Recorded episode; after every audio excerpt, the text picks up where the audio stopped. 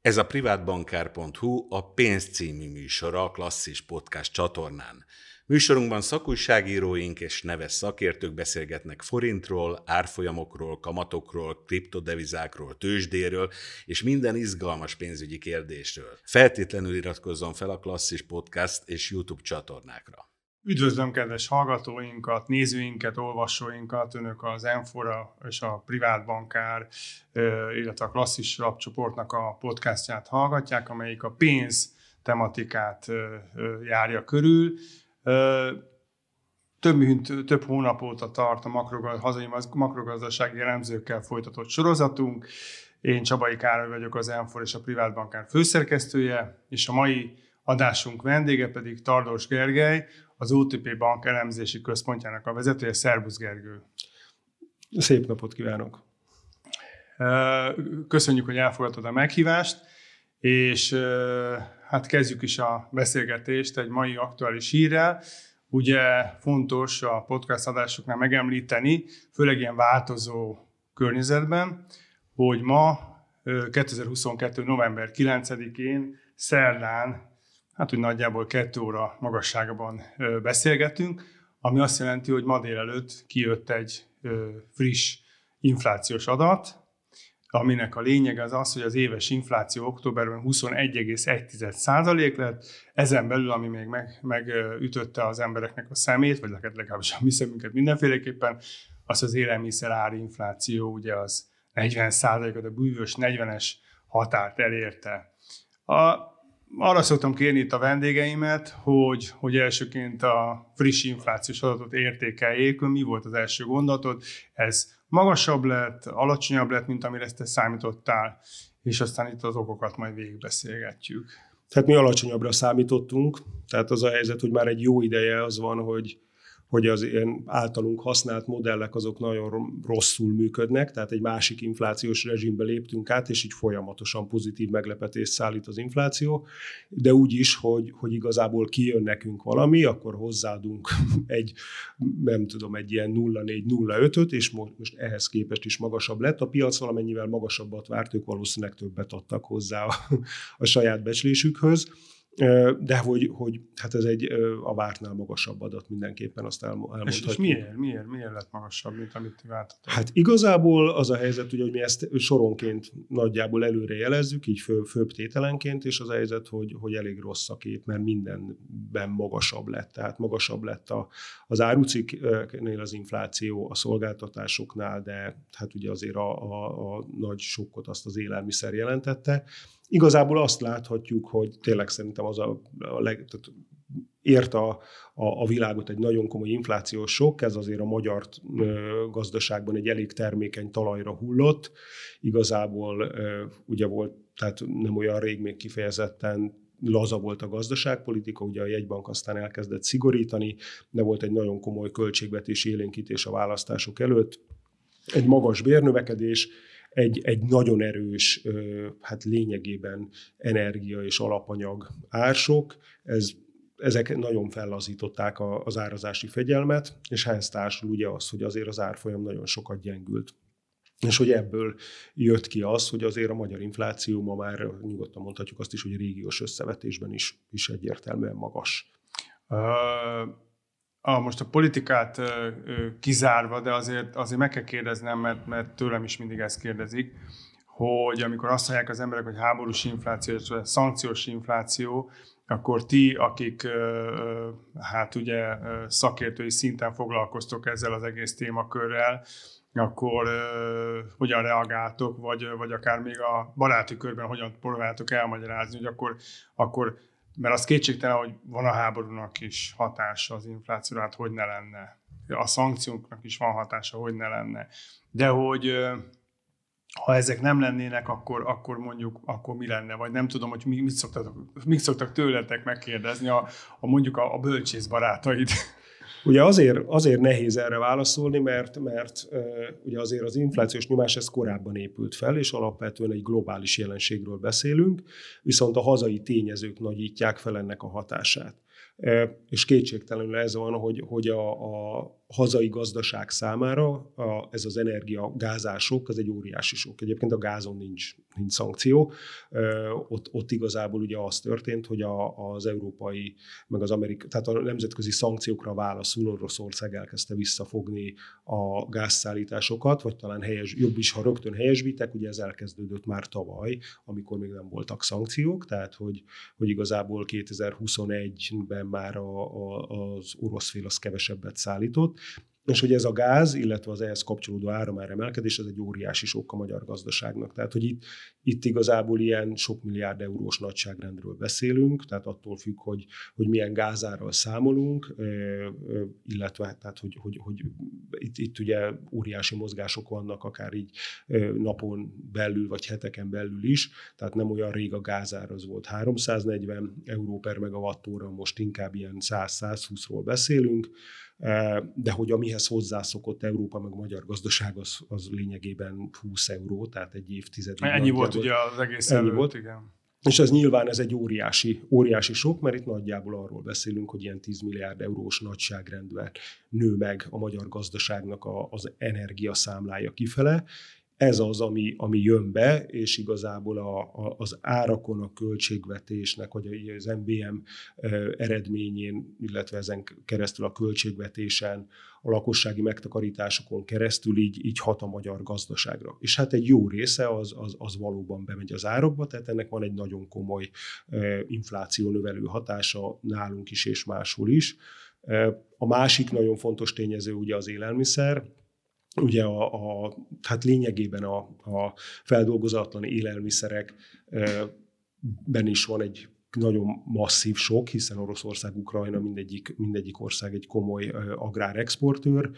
Emellett volt egy olyan időszak, tehát hogy nagyon komoly asszály volt ugye a magyar agráriumban, tehát ezek a tényezők, ezek mind, mind összeadódnak én azt gondolom, hogy nem, nem lehet egy tényezőt mondani, tehát ez egy viszonylag komplex pro- probléma, a, a, hogy szét lehet szálazni, az ugye van, vannak a, lényegében a, a globális, vagy tehát az Európában nagyon, vagy Európában is nagyon jól megfogható hatások, és van az, ami, ami miatt Magyarországon még ez, az európainál is magasabb az infláció, és azt gondolom, hogy ezek mellett a szálak mellett érdemes elindulni, hogy igazából mi mennyire járult hozzá a hazai inflációs helyzethez. Na most, ha, ha nem akarok sarkosan fogalmazni, de ha mondjuk nem idén tavasszal lettek volna a választások, hanem mondjuk jövő tavasszal lennének, akkor esetleg kisebb lenne az infláció?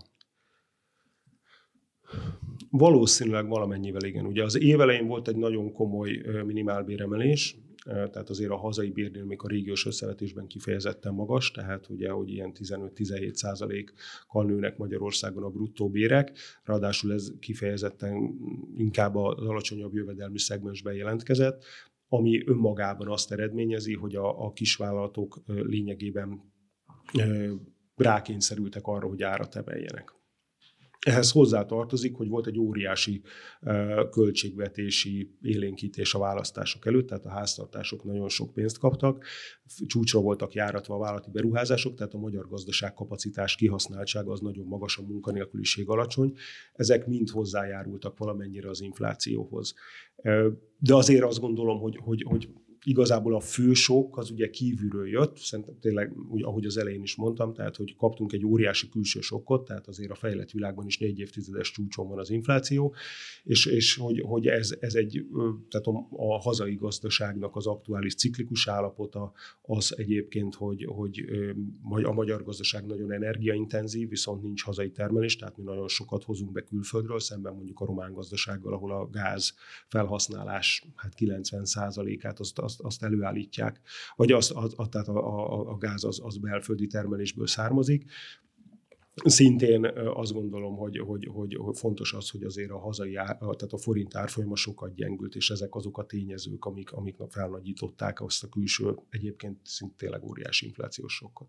Tehát ugye akkor regionális összehasonlításban is e, ezek azok az okok, ami miatt, ami infláció magasabb, tehát a, ha jól tudom, akkor itt a balti államok kivételével e, nincs is magasabb infláció, mint, mint mondjuk kelet, közép- és kelet-európában. Igen, tehát a maginflációnk Igen. Pedig, pedig e, kifejezetten, kifejezetten magas, tehát hogy így a legmagasabbak között van Azt gondolom, hogy, hogy a válasz az, hogy igen. Uh-huh. Tehát ezek, ezek a tényezők, ezek mind felnagyították ezt a sokkot.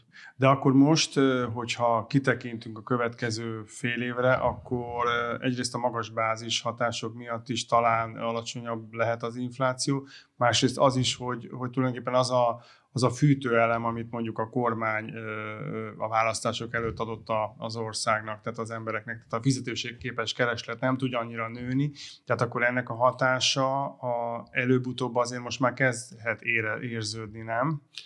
Igen, tehát hogy úgy mondom, hogy a nagy infláció kolbásztöltőgépbe elő kezdik betölteni azt, ami elvileg levinni az inflációt, tehát hogy mondjuk azért a globális nyersanyagárak már egy élelmiszerárak is egy jó ideje esnek, Szintén fontos az, hogy a, ez a nagy keresletélénkítés ennek a hatása, ez kifut, és, és hogy el, ugye a hazai, így mondom, a fogyasztása, vagy a belső felhasználásnak a növekedése, ami az inflációs nyomás egy részét generálja, ez, ez, ez kikopik, tehát ugye a reálbérek azok, azok átfordultak, tehát a reálbér dinamika az most már negatív, és ennek nyilván van hatása a belföldi fogyasztásra.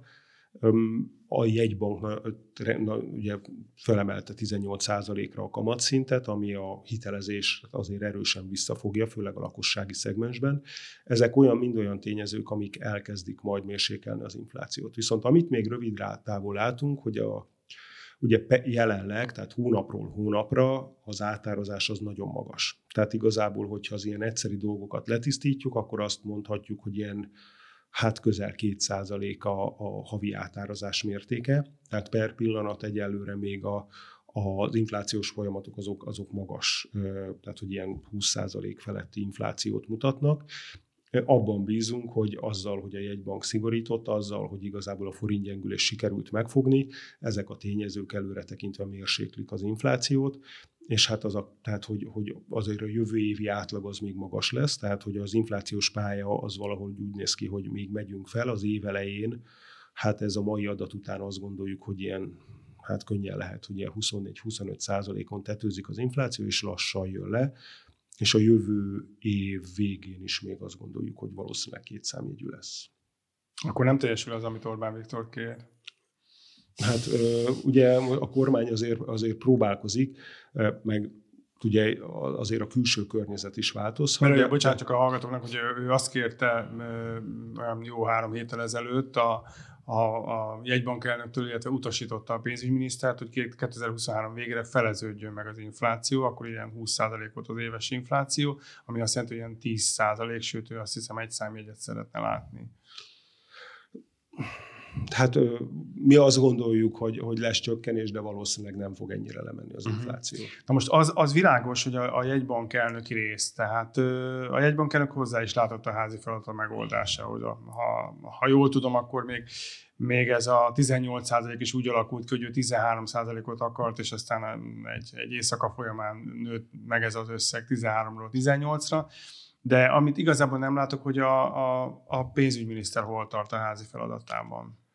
Ti látjátok? Hát ugye, a, tehát, hogy, hogy a, az egyik fontos dolog azért, hogy az energiasok egy jó része az nem, tehát hogy egy része csak megy csak át a háztartásokhoz, tehát a, a magyar kormány elég sokat költ arra folyamatosan, hogy a, a magyar villamos műveknek ne kelljen mindenki áthárítani ezeket a megemelkedett gáz és áramárakat. Tehát ennek azért van visszafogó hatása, vannak ilyen mindenféle ilyen, ilyen vállalati támogatások, mhm. amik szintén ezt, ezt célozzák. De hát az a helyzet, hogy, hogy ugye azért a, a, a, a, hát meg ugye vannak még az ársapkák, amivel, amivel próbálkozik a kormányzat. Azt gondolom, hogy, hogy, hogy ezek, a, ezek a tényezők, amik fel, felsorolhatóak.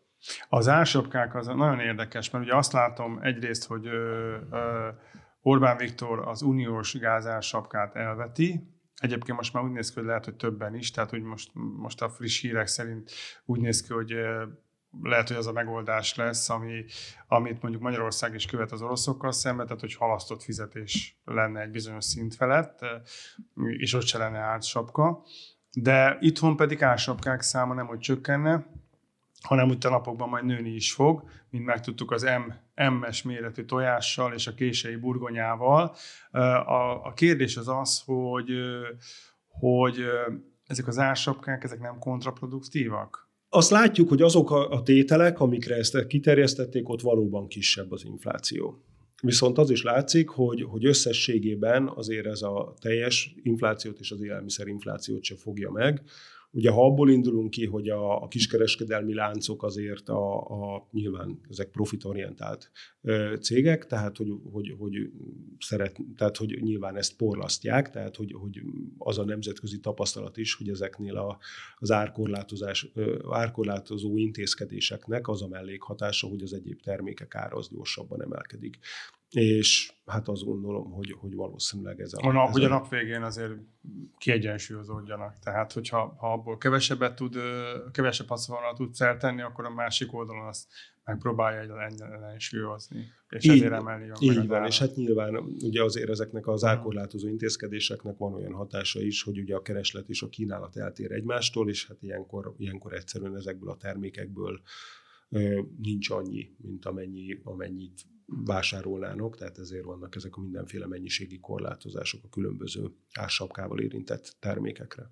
Meglepett egyébként téged az, hogy most pont, e, pont ezt a két terméket nevezték meg, vagy még nem tudtál ennyire behatóan foglalkozni ezzel? Ugye a... több, több gyanúsított is volt, tehát hogy... De Kenyér a, például.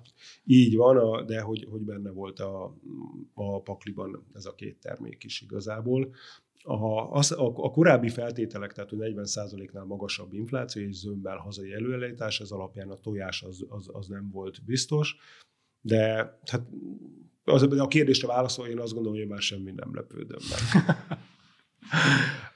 Ami, ami, ami az én fejembe szöget hogy pont a napokban hoztunk egy olyan hírt, nem tudom már uh, kinek volt az előjelzés, hogy novemberben hagymából és krumpliból hiány lesz és akkor most azt halljuk, hogy a krumplira meg ársapka kerül. És a kettőt kéne valahogy egy logikai összefüggésbe hozni.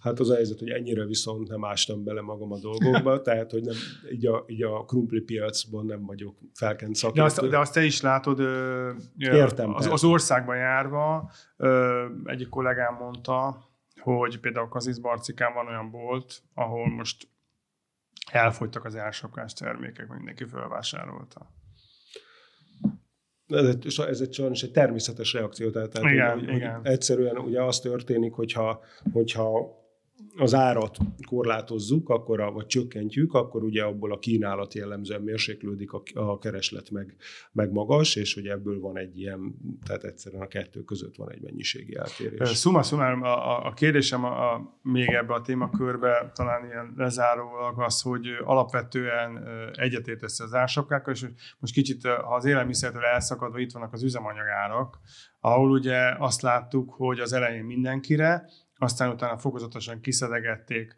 azokat, akik nem magyarok, azokra már nem vonatkozott, nem magyar, bocsánat, nem magyar forgalmi rendszámú autót üzemeltetők, és utána pedig a, a, a vállalatok, illetve hát a, akik például leasingelik a, a, a, az autóikat, azért szerintem elég szá, nagy számban vannak, azokra se vonatkozik az üzemanyagár. Tehát te alapvetően az ársapkával, mint rendszerrel mennyire értesz egyet, hogy, hogy hogyan viszonyulsz ez az egész kérdéshez? Hát én alapvetően, tehát hogy ugye ez, ez nem egy gazdasági kérdés, ez egy politikai kérdés. Uh-huh. Gazdasági szempontból azt, azt, azt gondolom, hogy az árkorlátozások azok általában, vagy így nem minden esetben, de jellemzően több problémát okoznak, mint amennyit uh-huh. megoldanak. Ez alapvetően egy politikai kérdés Nyilván ezek az intézkedések, ezek, ezek népszerűek, mm. tehát hogy ezért is hozza meg a kormány, meg bizonyos esetekben indokoltak is lehetnek. Én inkább ilyen piacbarát közgazdász vagyok, tehát hogy nyilván nekem, tehát hogy, hogy én nem annyira kedvelem a, a, az erős beavatkozást mm. a, a, a piacokba, és hát azért a, a Nagy Márton miniszter is elmondta, hogy ez, ezek az intézkedéseket a kényszer szülte, és hogy előbb-utóbb kivezetésre kell, hogy kerüljenek, aztán mégis inkább, inkább bővítették a kört. Igen, hát ugye még a, még a közgázon volt egy kedves tanárom, aki azt mondta, hogy semmi sem olyan tartós, mint az átmeneti. Hát aztán nem tudjuk, hogy az átmeneti az előbb-utóbb az, az milyen időszakot ül el föl. Visszatérve még egy kicsit a gázára. Tehát ugye azt látja megint csak a az érdeklődő, az átlagolvasó, aki nem rendelkezik közgazdasági ismeretekkel, hogy mi is azt írjuk itt az Enforon és a privátbankáron, hogy jaj, de jó, a gázár augusztusban közel ilyen 350 euró volt egy megawattóra, most már ugye 120, hogy te is említetted, de ugye volt az elmúlt napokban még 100 alatt is, hogy ez nekünk akkor most miért jó? Tehát, hogy ezt hogyan fogjuk mi érezni, mint egyszerű fogyasztó ennek az előnyeit? Hát ugye a, ez a 100-120 eurós ár, ez is brutálisan magas, tehát hogy, ez az a, tehát, hogy mi ahhoz szoktunk hozzá, hogy, 20, hogy, hogy 20 Igen. leginkább, és hogy, hogy ez a magyar gazdaságnak ez egy, tehát ez egy óriási többletteher, tehát hogy itt nagyjából arról beszélünk, hogy egy 10 eurós gázár változás az, hát ilyen, na, hüvelykúj szabályt mondok, mondjuk egy milliárd euróval nagyobb importszámlát jelent Magyarországnak. 400 milliárd forint, csak úgy mondom. A... Tehát, hogy a, a, az a 350-es gázár, az, az, azok olyan számok voltak, hogy amikor mondjuk én átvezettem azon, hogy ezzel mennyi lesz a magyar gazdaságnak a, a folyófizetési mérleg hiánya, ami mondjuk 2001 elején még nulla volt, az úgy nézett ki, hogy mondjuk lesz 30 milliárd euró, ugye a magyar GDP a 150 milliárd euró, tehát hogy, hogy az, abban a magasságban az egy, az egy egészen félelmetesen magas, és, és hát ez finanszír... 20%-os GDP. Így van, arány. tehát hogy finanszírozhatósági kérdéseket felvető szint volt. Ugye az, hogy visszajöttünk ezekről a szintekről erre a 100-120 euróra, ez igazából azt jelenti, hogy hogy hát így visszamászott az ország ilyen külső egyensúly szempontjából a térképre, tehát ezzel mondjuk figyelembe véve a várható fogyasztás csökkenést, mármint az energiában, illetve az egy, egyéb termékekben ennek az importra gyakorolt hatását, mondjuk a jövő évi folyómérleg hiányunk az a GDP 6-7 százaléka lehet, ami, ami már azt gondolom, hogy, hogy a, a tehát ez sem egy alacsony hiány, de hogy igazából nem egy ilyen riasztóan magas, és azt gondolom, hogy ez elvileg, tehát hogy azt gondolom, hogy ez a jelenlegi környezetben is finanszírozható hiányt jelent. De hát, hogy nagyon leegyszerűsítve igazából ezt úgy érezzük, hogy, hogy mondjuk a, nem lesz egy, egy óriási folyómérleg hiánya az országnak, nem lesz ebből egy óriási recesszió, hanem amit gondolunk az az, hogy nagyon erősen lelassul a növekedés jövőre, ilyen nulla körül, esetleg egy, tehát hogy a mi előrejelzésünk egy enyhe mínusz jövőre, Igazából ez az, amit érzünk belőle, tehát az, az hogy, hogy, hogyha szerencsénk van, akkor el tudjuk. Vagy így mondom, hogy a, amit mi, tehát amit az átlagember érezhet belőle, az az, hogy lényegesen kisebb a forintra gyak, a, a nehezedő nyomás, lényegesen kisebb a recessziós nyomás, tehát hogy mondjuk ha szerencsénk van, akkor el tudjuk kerülni a recessziót, a korábbi gázár mellett lényegében hát nagyon súlyos gazdasági következményei lettek volna, ha ez ott marad. Ennek is van, de ez már a, úgy mondom, hogy a kezelhetetlen és elviselhetetlen teherből mondjuk egy kezelhető, uh-huh. fájdalmas, de nem egy, nem egy világvége forgatókönyv, ami felé visszajöttünk azzal, hogy a gázár leesett. Ö, nem, nem tudom, hogy a, a olvasod el azokat a véleményeket, vagy hozzád is visszajönnek azok a vélemények, ami azt mondja, hogy hát igen, blogokba is lehet olvasni, csetelésekbe, hogy hát azért nem tud lemenni Magyarországon igazából a gázár, mert a kormány annak idején a, a legmagasabb szinten vette, vette a, gázár, a gázat. Mi ennek a realitása? Van-e ennek realitása? Hát ugye a, a, az új gázszerződés képletét senki se ismeri, nagyjából vissza tudjuk számolni, hogy hogy, hogy, hogy, hogy is nézhet ki. Ez alapján a magyar kormány valószínűleg olyan szerződést kötött a Gazprommal, hogy, hogy egy mm, némi csúszással, tehát ilyen egy-két hónapos csúszással az európai, tehát a holland tőzsdén bejegyzett gázárat fizetjük. Én a 140-150 euróról olvastam, hogy az lenne. Ugye ez változó, tehát hogy igazából ugye ez az, ami volt, volt, volt nagyon sokáig 20, aztán volt 100, 150, 340, és aztán visszajött erre a 120-120 eurós szintre. Azt gondolom, hogy nagyjából, tehát, tehát lényegében a számításaink alapján, vagy hát úgy, ezt nem csak mi, ezt többen számolják, nagyjából ez egy vált, tehát azt, azt mondhatjuk, hogy ez egy változó ár, és igazából a holland tőzsdei árhoz van hozzákötve, némi csúszással, tehát hogy nem folyamatosan azt fizetjük, hanem hogy igazából egy vagy két hónapos késéssel fizetjük azt az árat. Tehát, hogyha augusztusban a kormány kiment és vásárolt mondjuk Egyáltalán vásároltott 340 euró per megawattóra közelében?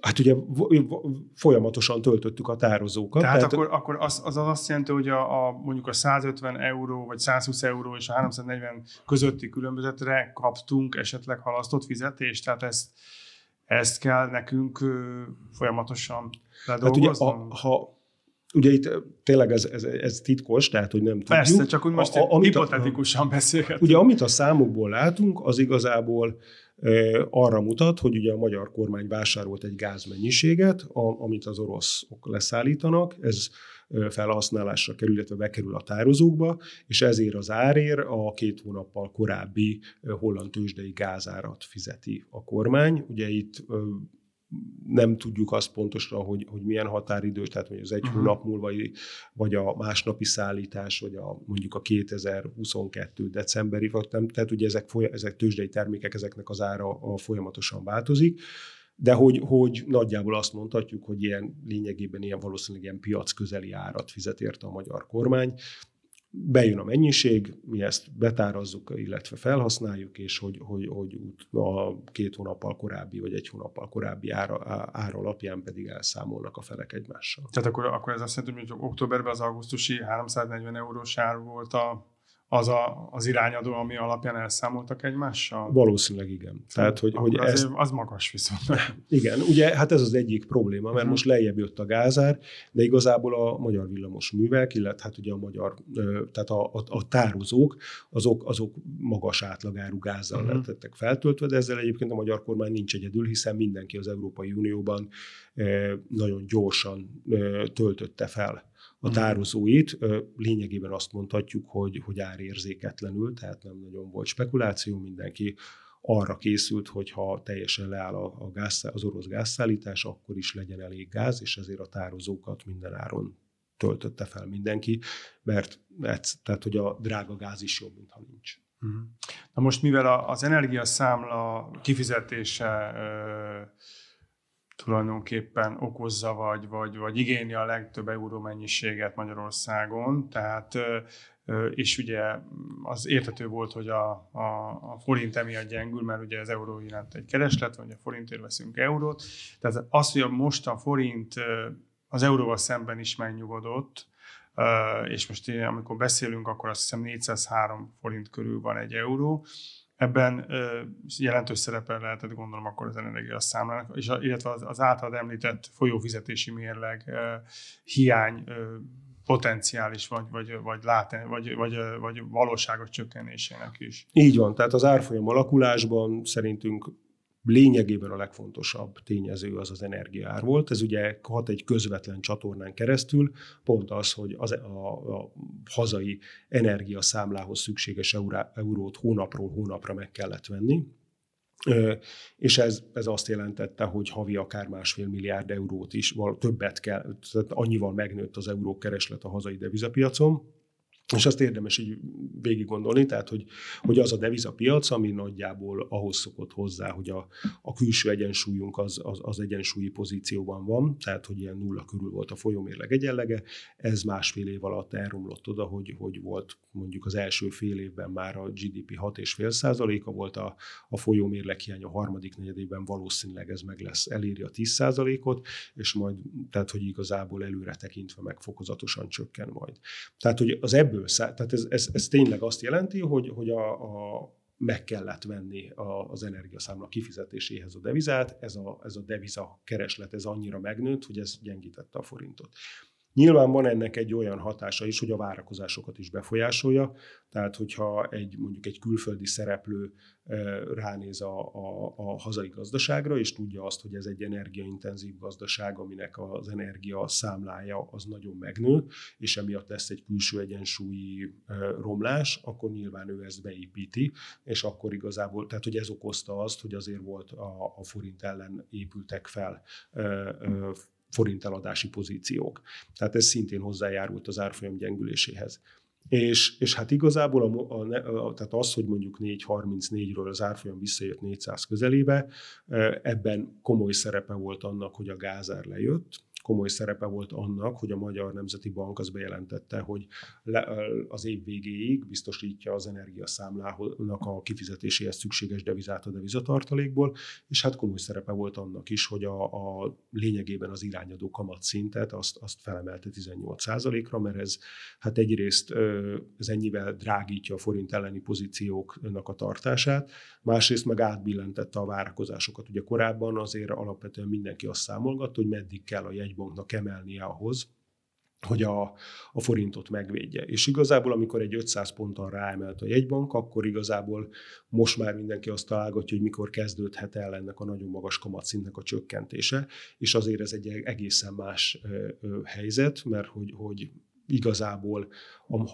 gondolhatjuk azt, hogy ez a kamatszint, ez átmenetileg ilyen magas, és akkor, akkor igazából már, tehát hogy, hogy, hogy a, a ez a forint eszközök iránti keresletet növelheti azzal szemben, amikor még, még mindenki tudja azt, hogy a kamatszint felfele megy. De ugyanakkor ez egy veszélyes dolog, mert ugye már azt látjuk a világban, hogy az LKB meg az Fed meg pont az ellenkezőre, mert ők még az emelési fázisban vannak, tehát hogy szűkülhet az a, a, a rés, ami, ami a magyar kamatok és a külföldi kamatok között voltak. Ugyanakkor meg itt az is egy tényező lehet, hogy az Európai Unióval sikerül-e megállapodni, gondolom.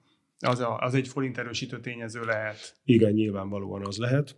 Hát ugye az egyik fontos, hogy azért ez a kamatszint ez rendkívül magas. Tehát ugye a, az Európai Központi Bank fokozatosan emel a jelenlegi várakozások szerint ilyen 3-3,25 százalékig. Ugye a magyar kamatszint 18 százalék, és látszik, hogy ez, ez most úgy tűnik, hogy ez, ez, ez elegendő. Sőt, talán sok is. És hogy a, a nyilván a, a, ez egy vészhelyzeti emelés, olyan magas szint, ami egyébként nagyon negatívan hat például a, a hitelkeresletre és hogy valószínűleg ebből lehet engedni. Ugye a piac most azt árazza, hogy igazából viszonylag gyorsan, tehát hogy a következő két hónapban akár ilyen 200 bázisponttal, vagy még ezt meghaladó mértékben is csökkenhet ez a 18%-os kamatszint. És a másik, hogy ez az EU-s megállapodás, nyilván ez is egy olyan tényező volt egyébként, ami a hazai gazdasággal kapcsolatos hát kockázatérzékelést azt növelte, és ami miatt nagyobb prémiumot vártak el a befektetők, és az látszott, hogy az ezzel kapcsolatos negatív hírek kijövetele az folyamatosan, tehát az gyengítette a forintot, tehát hogy ez is hozzájárult egyébként a, az árfolyam gyengüléshez. Most az, hogy úgy tűnik, hogy, hogy ez a megállapodás ez, ez közel van, mert hogy a kormány hajlandó teljesíteni az Európai Uniós elvárásokat. Ez igazából, ez, ez szintén támogatja a forintot. Nyilván a, a meg kell várni a megállapodást, de azt gondolom, hogy ha az megvan, akkor, akkor az egyrészt erősítheti a forintot, csökkenteti az elvárt prémiumot, és az lehetőséget ad a jegybanknak arra, hogy esetleg ezt a kamatszintet csökkentse.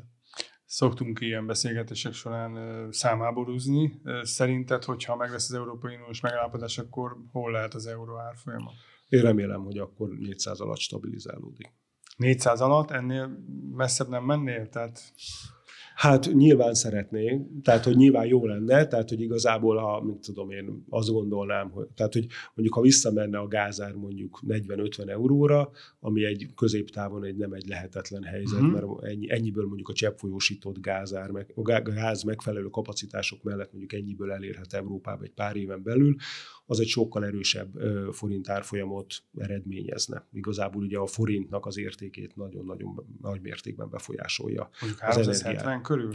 Lehetne akár ott is. Én Aha. azért nem szaladnék ennyi előre, tehát ugye az a helyzet, hogy azért a, a hazai vagy így mondom, hogy az eddigi história az, az azt mondja, hogy ezeknek a nagy gyengüléseknek a jó része azért tartós maradt. Tehát ugye nem számítanék arra, hogy, hogy nagyon beerősödne a forint 400 alá, lehetséges. Tehát mondjuk, hogyha ha a külső környezet javul, tehát hogy, hogy a ne adj Isten, mondjuk a háború véget ér, vagy az orosz fél elkezd azért szállítani, hogy ne veszítse el az európai piacait, és ennek köszönhetően lemegy jövőre a gázár, akkor nagyot erősödhet a forint, tehát akkor mondjuk lehet, hogy tényleg ilyen 360-370-ig is elmenne.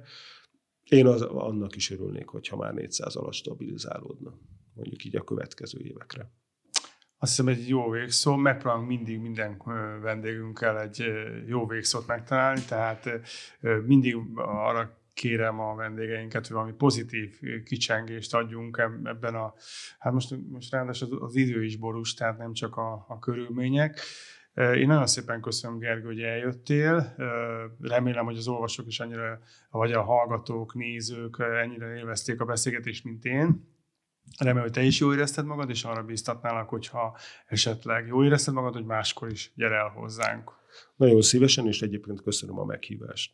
Köszönöm szépen a kedves hallgatóknak, pedig nézőknek azt mondom, hogy hallgassanak minket, nézzenek minket, olvassák az Enfort, a privátbankárt, és további szép napot. Ön a privátbankár.hu a pénz című műsorát hallotta. Feltétlenül iratkozzon fel a Klasszis Podcast és YouTube csatornákra. Ha szeretne több ilyen videót és podcastot, legyen ön is klubtag, fizessen elő a Klasszis lapcsoport, a privátbankár, az M4, a piac és profit prémium tartalmaira, vagy legyen támogatónk. klasszis.hu